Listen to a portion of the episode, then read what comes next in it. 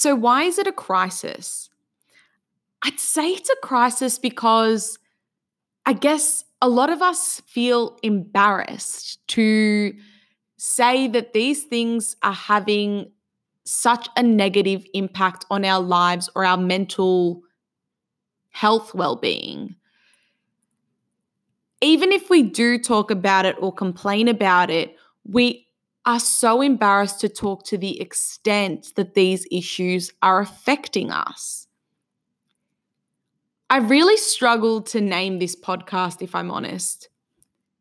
And the reason is because I hate the word millennial.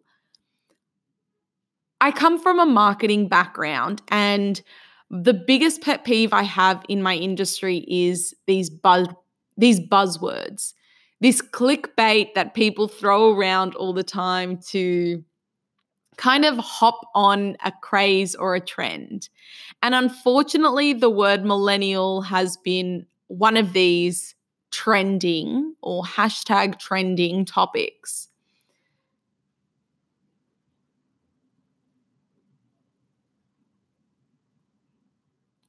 And so the reason I tried to avoid using the word millennial in my title until I got to the point where I just thought, fuck it. Let's go with the most dramatic, over the top title I can think of. And I kind of hated it so much that I loved it. If you get what I'm saying? And I think that it's kind of fitting because we are a bit of a dramatic generation. And although in this se- although in this series of the millennial crisis, I want to touch on some topics that we kind of don't take seriously enough and some other light and some other lighter topics and topics that we guess don't educate ourselves on in school or the systems or societies that we're in. Stop, stop, stop.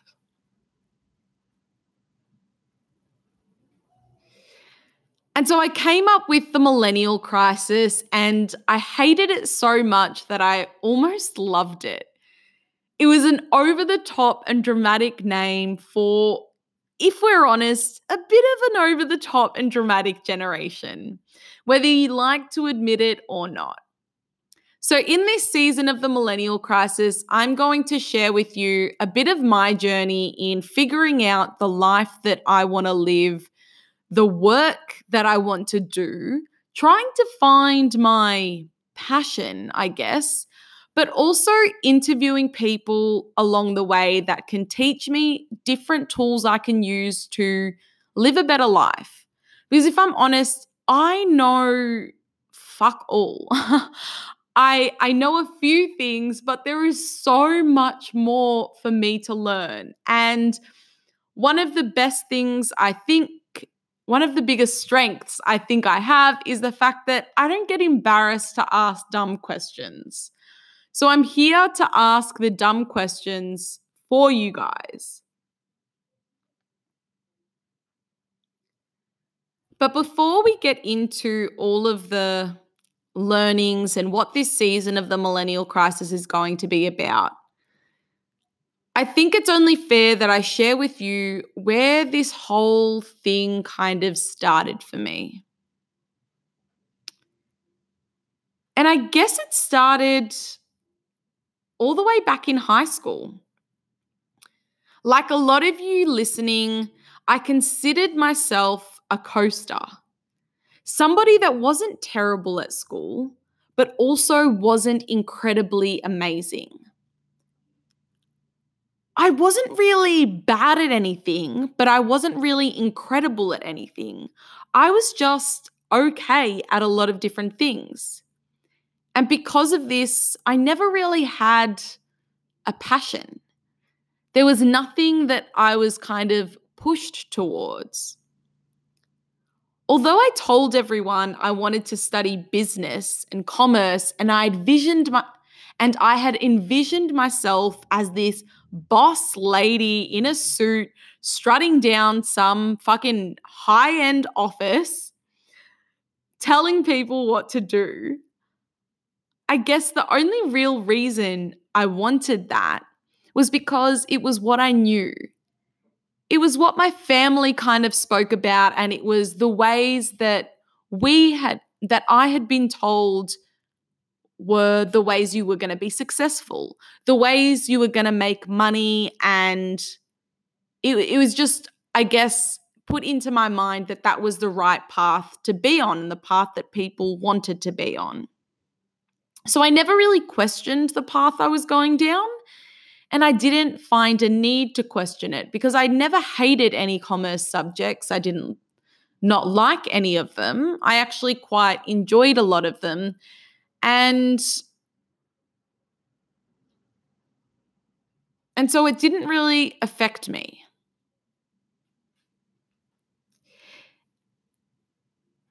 I didn't hate any of them. So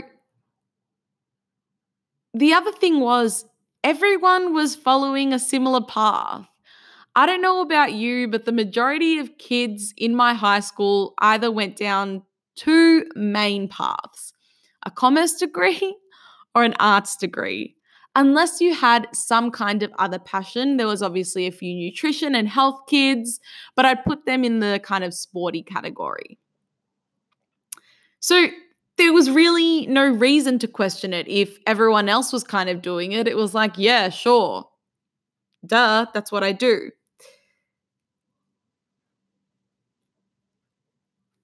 And then I did what I guess a lot of us do. I fell into this place where I never questioned what I was doing. And I just began checking off these boxes to work my way up whatever that means. I don't even know what I was working my way up to now. And then I got to university. And that's where shit started to really hit the fan. Looking back now, after my first year of uni, I wasn't the Demi that I am now. I was a person I was a person that I really don't recognize. I would make jokes with my friends about doing nothing all day, watching six movies a day, eating lollies and ice cream for breakfast, not going to university because I didn't have to, hashtag goals. And I was failing, and, and I failed four out of eight of the subjects I did in that first year. The year that followed, I noticed even more of these issues. The main issue I was dealing with in my second year of uni was apathy. I remember thinking, there must be something wrong with me. I don't want to do anything. I don't have motivation to do anything. I'm tired all the time. I can't get up. I don't even want to hang out with my friends now. And a lot of these symptoms were apathy. And a lot of them were contributed to the lifestyle I was living at the time not eating well, isolating myself, not hanging out with friends as much as I should. But it was kind of a slow progression to get there. And I never knew what was wrong with me. Looking back now, I was definitely in a depressive state. And I really don't like using that word because it is such a serious thing to talk about. And for a lot of people, it's something they can't help and it's a chemical imbalance. That's why I don't say I had depression because I don't think my thinking ever got to the point where I was so helpless that I wanted to kind of end it all. But I was extremely apathetic. And I think a lot of us that are going through these millennial crises can be in these temporary depressive states where we're just going about our lives we're not living them, we're just simply existing in them. And that's such a scary thing.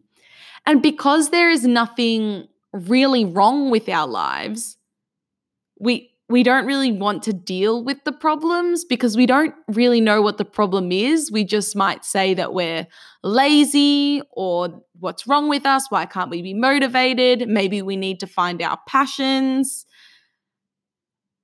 And so we don't really talk about them, which can make the problems worse and worse and worse.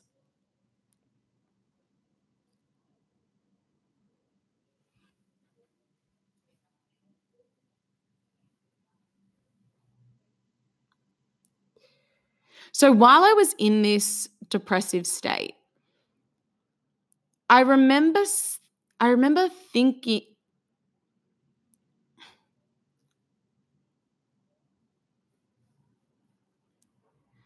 Now, while I was in this depressive state, there were a lot of contributing factors to them. As I mentioned before, my lifestyle wasn't great. And I felt like I also didn't really have a purpose in my life. No, no, no.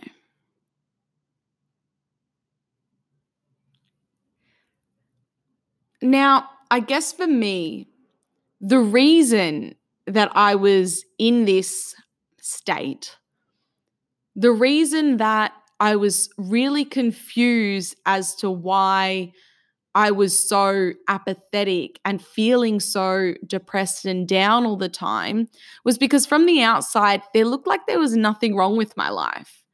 I was going to university, I had friends, I was going out. I actually had my own social media business on the side, was working in hospo as well, was going on holidays. Everything seemed great. But looking back now, I realize that I was feeling like that because I felt like I was stuck in a life that I didn't want to be in. Because I had never questioned anything, I was just doing things that I thought I was supposed to do. Things that my parents told me were good, things that my friends were all doing, things that school had kind of drilled into me were the right things to do. And I remember constantly saying to myself in this time at uni, just you wait. As soon as you get that fucking stupid piece of paper, that university certificate, as soon as you get a job, that's when your real life will start. That's when you'll truly be happy this is just a temporary thing for you. You've just got to suck it up, get through this uni time, and then it's all going to get good. So instead of taking advantage of the time I spent at university, instead of trying to meet new people, trying to explore different hobbies, trying to see what I liked and what I didn't really like, getting involved in different faculties. I was stuck in such a state of nothingness that those things never even occurred to me to do. I was just in the headspace of, let me get out of here.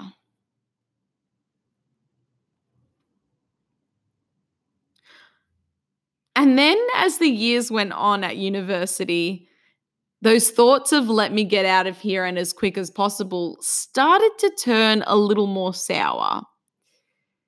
My mindset became to began to become this fuck this institution, fuck the workplace for wanting me to have this dumb and expensive certificate, and fuck my parents for making me be here.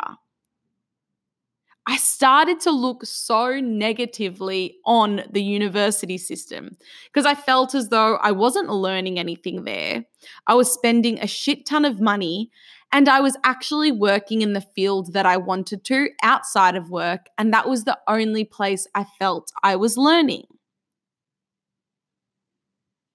So when I look back at my early days of university,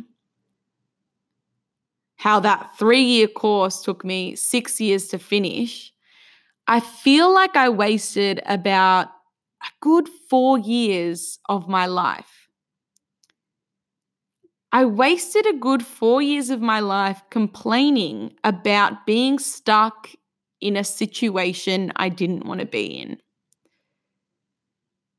Living a life I didn't want to live. Living a life I thought I needed to live, but deep down knew I didn't want.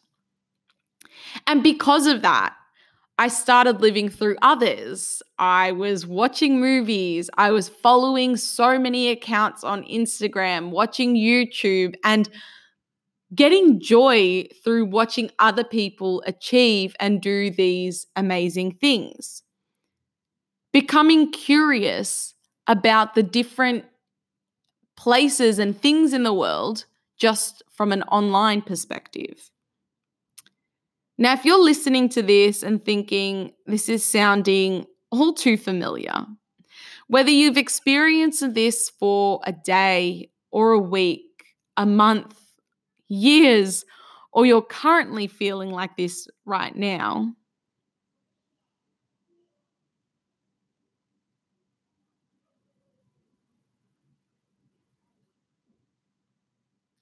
just know that you're not alone. Because throughout this whole time, the thing that made everything worse for me was the fact that I never spoke about it. I never told anyone these were the things that I was feeling, and I felt so much more alone in them. I remember throughout this time.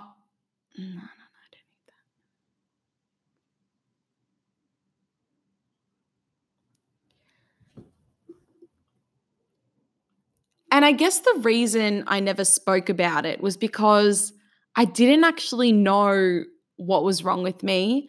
I didn't know why I was upset. And I didn't think I had a reason to be upset. I also didn't think that there was any other way to live. I thought this is life and deal with it, you know?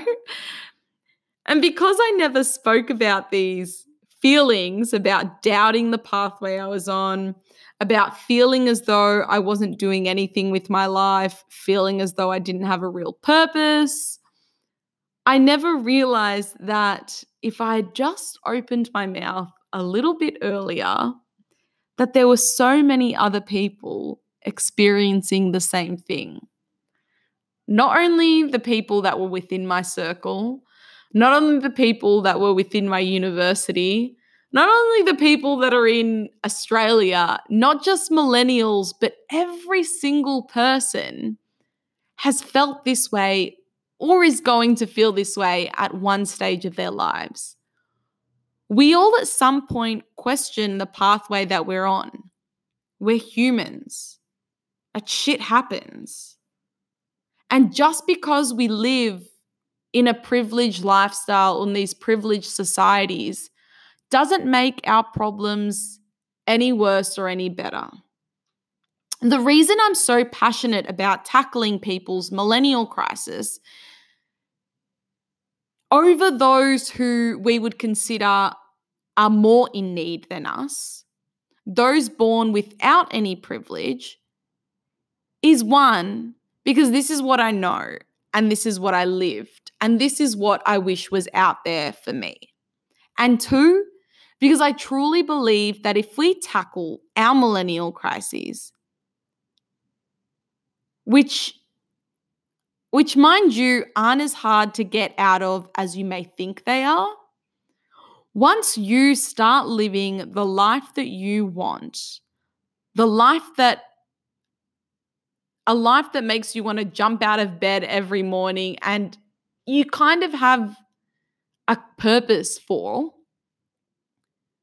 we'll be able to do, I truly believe we'll be able to help so many more of these people that don't live in privileged societies. But before we can do that, we need to help ourselves. We need to make sure that we are the best versions of ourselves and know how to take care of ourselves better and as soon as we do that, we can start helping other people and start making some real change. So if I can do my small part in helping us privileged folk accept and move on with our lives, we can start making what I would say would be a huge impact on a huge impact on the world.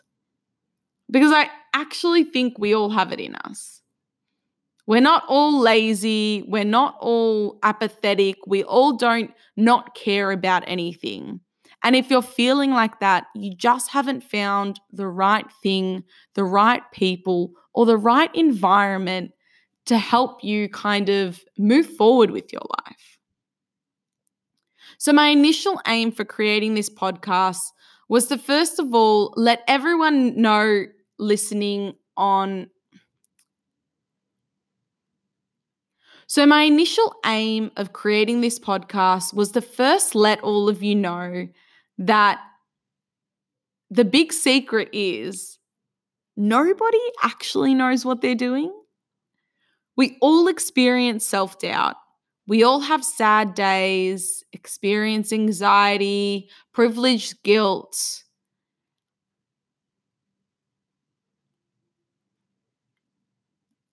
And the second reason I wanted to create the podcast the the second thing I aim to do with the podcast is to not create a podcast that would give you a burst of motivation for an hour and then 5 minutes later you get sucked back into your hole. Which is what happened to me a lot of the times. Uh. sorry.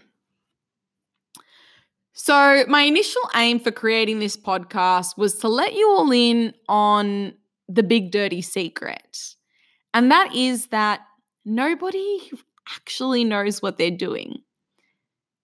All of us can get overwhelmed by the different opportunities and choices that we have. We all experience self doubt to some extent, some form of anxiety or these sad days or stress and privileged guilt. And I also wanted to make sure that I created a podcast where it didn't just give you a burst of motivation because I honestly hate the word motivation because I would listen to so many different podcasts in the past and five minutes after I would listen and I would be so motivated listening to him thinking, I'm going to do this and that. And they tell me to do this and that's going to change my life. And then five minutes after listening to it, I would sit on the couch and eat a bag of potato chips. I wanted to create a podcast that empowers us to take action. A podcast where you can help me as much as I will try to help you.